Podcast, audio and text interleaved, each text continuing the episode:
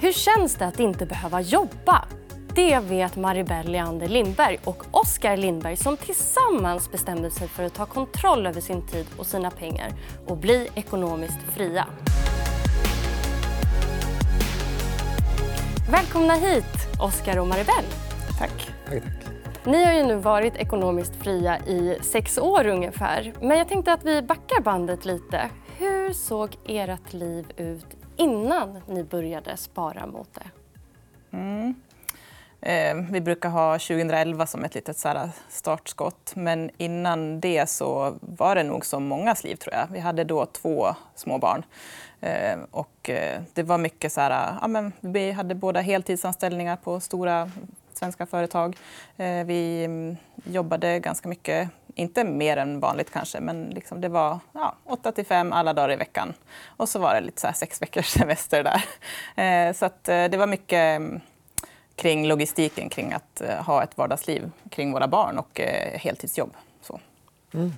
Och liksom lite grann den här känslan av att ha andan i halsen och försöka liksom mm. hinna med och få i dem någon mat innan man skulle iväg på något annat. Och jag reste en hel del i jobbet så ibland så var Maribel eh, hemma och skötte allting själv och så här, så det var liksom ingen tid över. Vi kände väl att eh, det var 2011 så var vi på en längre resa tillsammans, hela familjen. Eh, vi var borta i åtta månader och under den tiden så började vi liksom få perspektiv på saker. När man lever liksom utanför sin, sin vardag så liksom kommer mycket av de här tankarna och vi kände där vi var då. Vi var i Mexiko där jag har familj och vi hade helt plötsligt mycket mer tid för varandra. Vi hade mer tid för våra barn, vi hade mer tid för vänner och släkt som vi har där.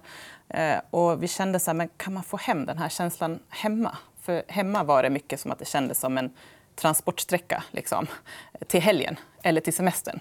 Eh, man liksom jobbade på för att liksom få de här eh, pauserna.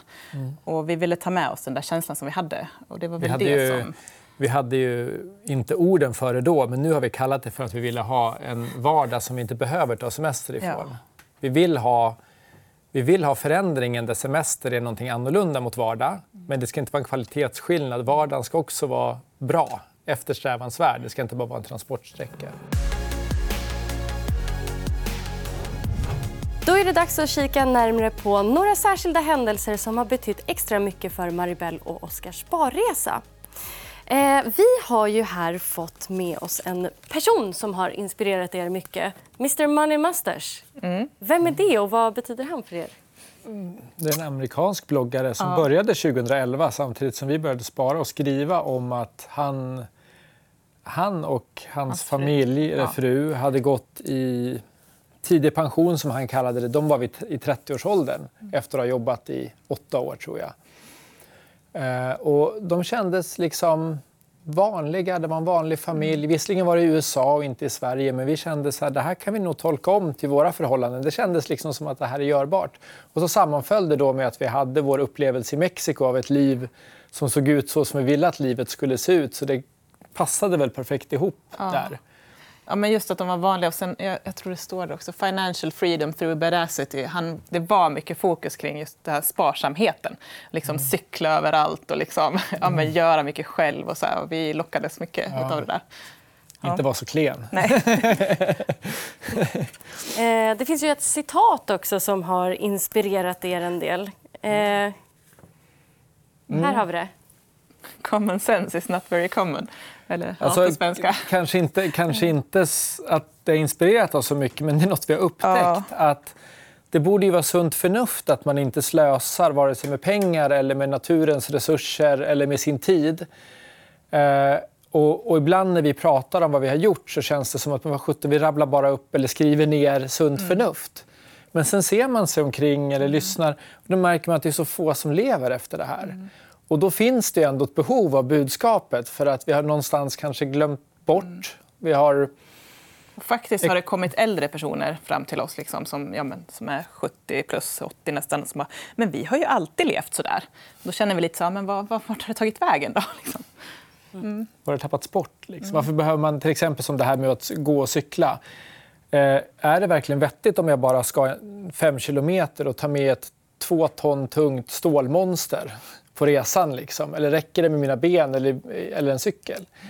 Men det är så naturligt för oss att liksom vara så ineffektiva. Mm. eh, och här har jag ju också er. Där ni drar åt samma mm. håll. Ja. Varför har det varit viktigt för er under sparresan? Ja, det, har ju... det är ju nästan det är ju en nödvändighet. Ja. Att prata ihop sig och ha gemensamma mål som man drar mot tillsammans. Mm. Det är både för att man inte ska, det vet man ju vad som händer om man sätter sig i en kanot men de paddlar åt olika håll, hur långt man kommer. Det är både det, men det är också det att vi också, när vi har gemensamma mål har vi kunnat peppa varandra när någon inte är riktigt lika motiverad. Så har en, man har inte en dålig dag samtidigt, så då, då har vi kunnat peppa varandra också eftersom vi är på väg åt samma håll. Eh, det gäller också liksom både det ekonomiska men också i hela livet, att vi försöker mm. välja riktning åt samma håll hela tiden. Mm. Och stämma av den här riktningen, för mm. den kan ju förändras för oss båda. Liksom. Men att vi mm. är med på vägen. Mm. Har ni några tips till andra som sparar i par? Ja, men en kick-off. Mm. Gärna en gång per år, eh, kanske två om det går för att liksom följa upp lite.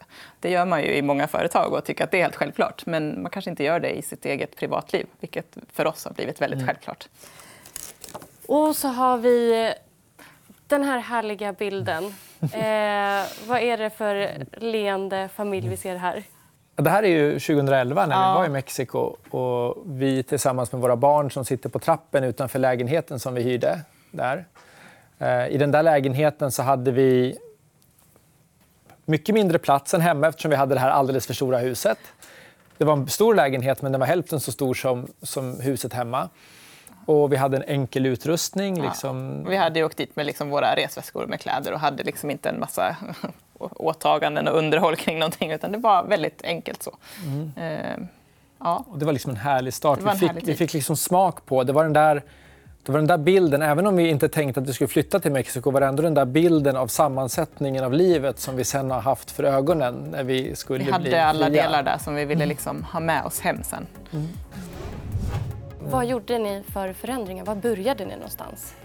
Vår väg skulle nog vara att spara ihop en summa pengar som vi sen kan leva resten av livet på. Och sen började vi, när vi hade kommit fram till det, då började vi titta på vilka utgifter är det som inte adderar till vår, vår livskvalitet. Mm. Och kortsiktigt var det ju de här äh, enkla sakerna. Egentligen det som alltid står i tidningen så här 24 januari. Ta med matlåda, gå och cykla istället för att ta bilen. Eh, ja, dra in på allt sånt här vardagligt. Köp inte mer kläder om det redan är fullt i garderoben och sådär. Eh, det var ju de första sakerna, för det hände ju någonting med direkt. Vi började samåka, vi började leva mer lokalt och se det vi hade runt omkring oss. Och sen i nästa steg blev det att liksom designa om livet. Oskar gillar att räkna, så han började räkna på det. Men vi såg ju framför oss kanske pension vid 55. kanske. Mm. Men det gick ju lite snabbare. Ja. Men när ni började räkna på det, vad var det för summa ni fick fram? Hur räknade ni? Ja, vi utgick ju från den så kallade 4% regeln Jag vill gärna kalla det för en tumregel. För jag tror att om man tror att det är liksom en absolut sanning så, så kan den vara lite farlig också. Vad går den ut på? Det går ut på att man kan räkna med att, att på ett tryggt sätt få 4% avkastning. Så kan man leva på den avkastningen så ska teoretiskt sett kapitalet räcka för evigt. Eller åtminstone under en väldigt, väldigt lång tid, så länge som man kan förväntas leva. Och... Eh, om man då tittar på hur, hur vi använder den så, så är det, det är en funktion av hur mycket man behöver för, för att leva och hur mycket kapital man har. Så från början trodde vi, en av anledningarna till att den här tiden blev kortare var ju att vi både blev duktigare på att sätta undan pengar men vi kunde också leva bättre på en mindre summa än vad vi kunde drömma om från början. Och när vi insåg det så blev det också en mindre summa pengar som vi skulle behöva spara ihop. Och det var det som gjorde att den här tiden krympte ihop. Kände ni inte att ni offrade någonting eller saknade något? Ostarna tog vi bort. men... ja, jag är väldigt förtjust i goda ostar. Ja. Och det men det var också som bort. ett så här, experiment att se liksom, ja, men mm. vad kan man göra. Vad vill, alltså, vad vill vi mycket för att känna efter. Vad är det vi vill ha i vårt liv? Och... Men det är också så här, köpa, köpa jättegoda fina ostar från, från eh, Frankrike och Spanien för många, många hundra kronor kilot. Det är inte direkt livets nödtorft, så man kan ju vara utan det ett tag. för dig då, Maribel, finns det något särskilt du har saknat? Eh, nej, och jag skulle vilja liksom lyfta in lite i det här. för Många frågar så här, ja, men har ni liksom, eh, valt bort en massa saker. och så. Och För oss när vi började med det här så var det väldigt tydligt också att vi började planera våra, liksom, vårt liv och vår ekonomi. Men framför allt liksom en livsplan. Där vi liksom satte oss ner, ja, vi brukar göra det två gånger om året, liksom, och titta på men vad vill vi med det här året liksom, kortsiktigt. Ja, men vad vill vi fem år framåt? Vad vill vi tio år framåt? Och då blir det så himla tydligt också var vi vill lägga våra pengar och vad vi vill välja. Så jag kände liksom hela tiden, eftersom man hade de här liksom avstämningarna så blir det också mentalt mycket enklare för att jag vet att ja, jag sparar pengar för att jag vill det här i år eller det här vill jag nästa år. Så att det kändes som att eh, det, jag har, känner liksom inte att jag har liksom det, blir mer, det har varit mycket mer fokus på det här har vi valt ja. än det här har vi valt bort. Och vad var det för summa ni bedömde räcker för att leva? Vi bedömde 6 miljoner. Och hur mycket är en månadskostnad för er? Då var det 20 000. Ja. Eh, nu är det snarare mellan 25 och 30. Eh, barnen har blivit lite äldre, det har varit lite inflation och sen så har vi lagt oss till med en, en fritidssysselsättning som, som drar lite pengar även om vi försöker vara smarta att vi åker så väldigt mycket skidor på vintern. Vilket förstås mm. också kostar någonting. Mm. Eh, hur gick investerandet i början? Vi gjorde en plan när året började. Ungefär så här mycket tror vi att vi kan sätta undan varje månad. Och sen så köpte vi aktier för det beloppet varje månad så det blev ett lika stort köp i slutet av varje månad. Även om lönen gick upp och ner och utgifter gick upp och ner. Blev det lite över där så sparade vi det på ett bankkonto så vi kunde köpa för under en period till exempel var det 25 000 i månaden. Och då, då kändes det som att ja, men om, om börsen går upp så är det kul och går den ner då fick vi lite mer för pengarna nästa. Det kändes liksom inte som att här går vi in med ett jättestort belopp och så gick det ner och så blir det liksom för jobbigt att hålla i. Har ni varit oroliga någon gång under sparresan? Nej, alltså snarare tvärtom. Så här, ju mer vi har sparat så har vi känt oss mer trygga hela tiden. För att det blir så att den där lilla kappsäcken med pengar den, liksom, den växer. Det är som att ha en ryggsäck som liksom blir mer välfylld. Och för oss så gav den väldigt mycket mer trygghet. Eh, menar, 2008 var det också så lite krisigt och liksom, ja, det var en del företag som drog ner. Och så här, men för oss var det snarare så här, men vi kände att nej, men, händer det nåt så, så har vi ju någonting att ta ifrån. Så att, eh, jag tycker inte vi kände oss oroliga så. Liksom. Nej, och sen, så, nej, och sen så tänker jag också att vi... Eh, vi ser ju att vår största styrka egentligen är att vi kan leva gott mm. på en liten summa pengar. Och det betyder ju att eh, jag menar, vi arbetar lite då och då när vi, när vi känner för och när det finns roliga saker att, att göra. Och, och vi behöver egentligen inte, skulle vi behöva komplettera med lite inkomst någon gång så är det inte så stora summor för att vi kan leva gott på en liten peng. mm. Så det är nästan det största. Det är nästan mer än... Ryggsäcken med pengar är jättebra. Det, tyck, det tyckte nog Pippi också. Men det är mer inställningen är viktigare. Ja. Liksom den här, och den här förmågan att kunna leva gott på lite. Det känner vi att det är den stora styrkan. Det ger en väldigt stor styrka. Liksom. Och tryggheten. Någonstans där måste ju ni ändå sett att det här börjar ju ticka på ganska mm. bra. Mm. Eh, vad betyder det för er att se pengarna växa? Jag tror kanske det som om man ska relatera till någonting som vi såg liksom, som, där vi började räkna ner och så, så var det faktiskt mer när kan vi sluta på våra jobb. Eh, mm. Det var snarare det än liksom, summan av pengar. Eh, för det var hela tiden det som var, var målet liksom, mm. för oss. Eh, vi ville ju äga vår tid och när vi såg att vi började närma oss den punkten, det var nog snarare större än själva liksom, antalet summan pengar på kontot. Har ni några tips till den som också vill sikta mot att bli ekonomiskt fri? Börja idag. um... alltså, det är tråkigt, men det är så att ta reda på var pengarna tar vägen. Ja. För att många känner nog att pengarna inte räcker och kanske ännu mer idag med mm. hög inflation och så.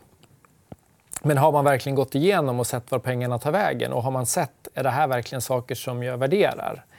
Om jag spenderar, om man verkligen gör det och spjälkar upp så kan man ju se ja, men jag lägger jättemycket på det här området, men uppskattar jag det så mycket verkligen? Jag tror att de flesta skulle bli väldigt överraskade.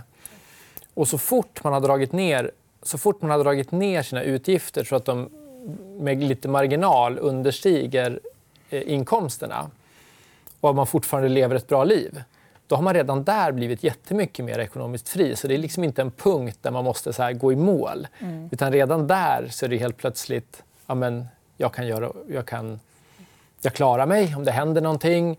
Eller jag kan byta jobb om jag skulle vara sugen på det. Det blir helt andra möjligheter som öppnas. Mm. Men sen också alltså, tänka ut vad är målet med den ekonomiska friheten. Liksom, vad är det jag vill? Och det är liksom att komma ner till den, den kärnan. Eh, den, mm. den tanken måste man liksom sätta, sätta ner. Det måste vara motiverande. Ja. för att man ska liksom, alltså för det sker ju inte, den här, Om man ska göra hela den här resan till att... Då sker ju inte den över en natt. Även för oss gick det mycket snabbare än vi någonsin kunde... Men det är fortfarande sex år man ska mm. hålla ut. Mm. Och med vissa så här livsstilsförändringar håller man inte ens ut en månad. att... Sen är det också det som vi också har kommit fram till som är vårt absolut bästa spartips. Det är ju det som sen blev en bok. Som, det är just att leva lokalt. Eh, att eh, nyttja det som du har i ditt eh, närområde och röra dig i ditt närområde, både vad det gäller arbete, fritid, den service du behöver. Allt ska finnas liksom på nästan gång och cykelavstånd, för där har du vunnit så himla mycket. Stort tack Maribel och Oskar för att ni var här idag och delade med er av er sparresa.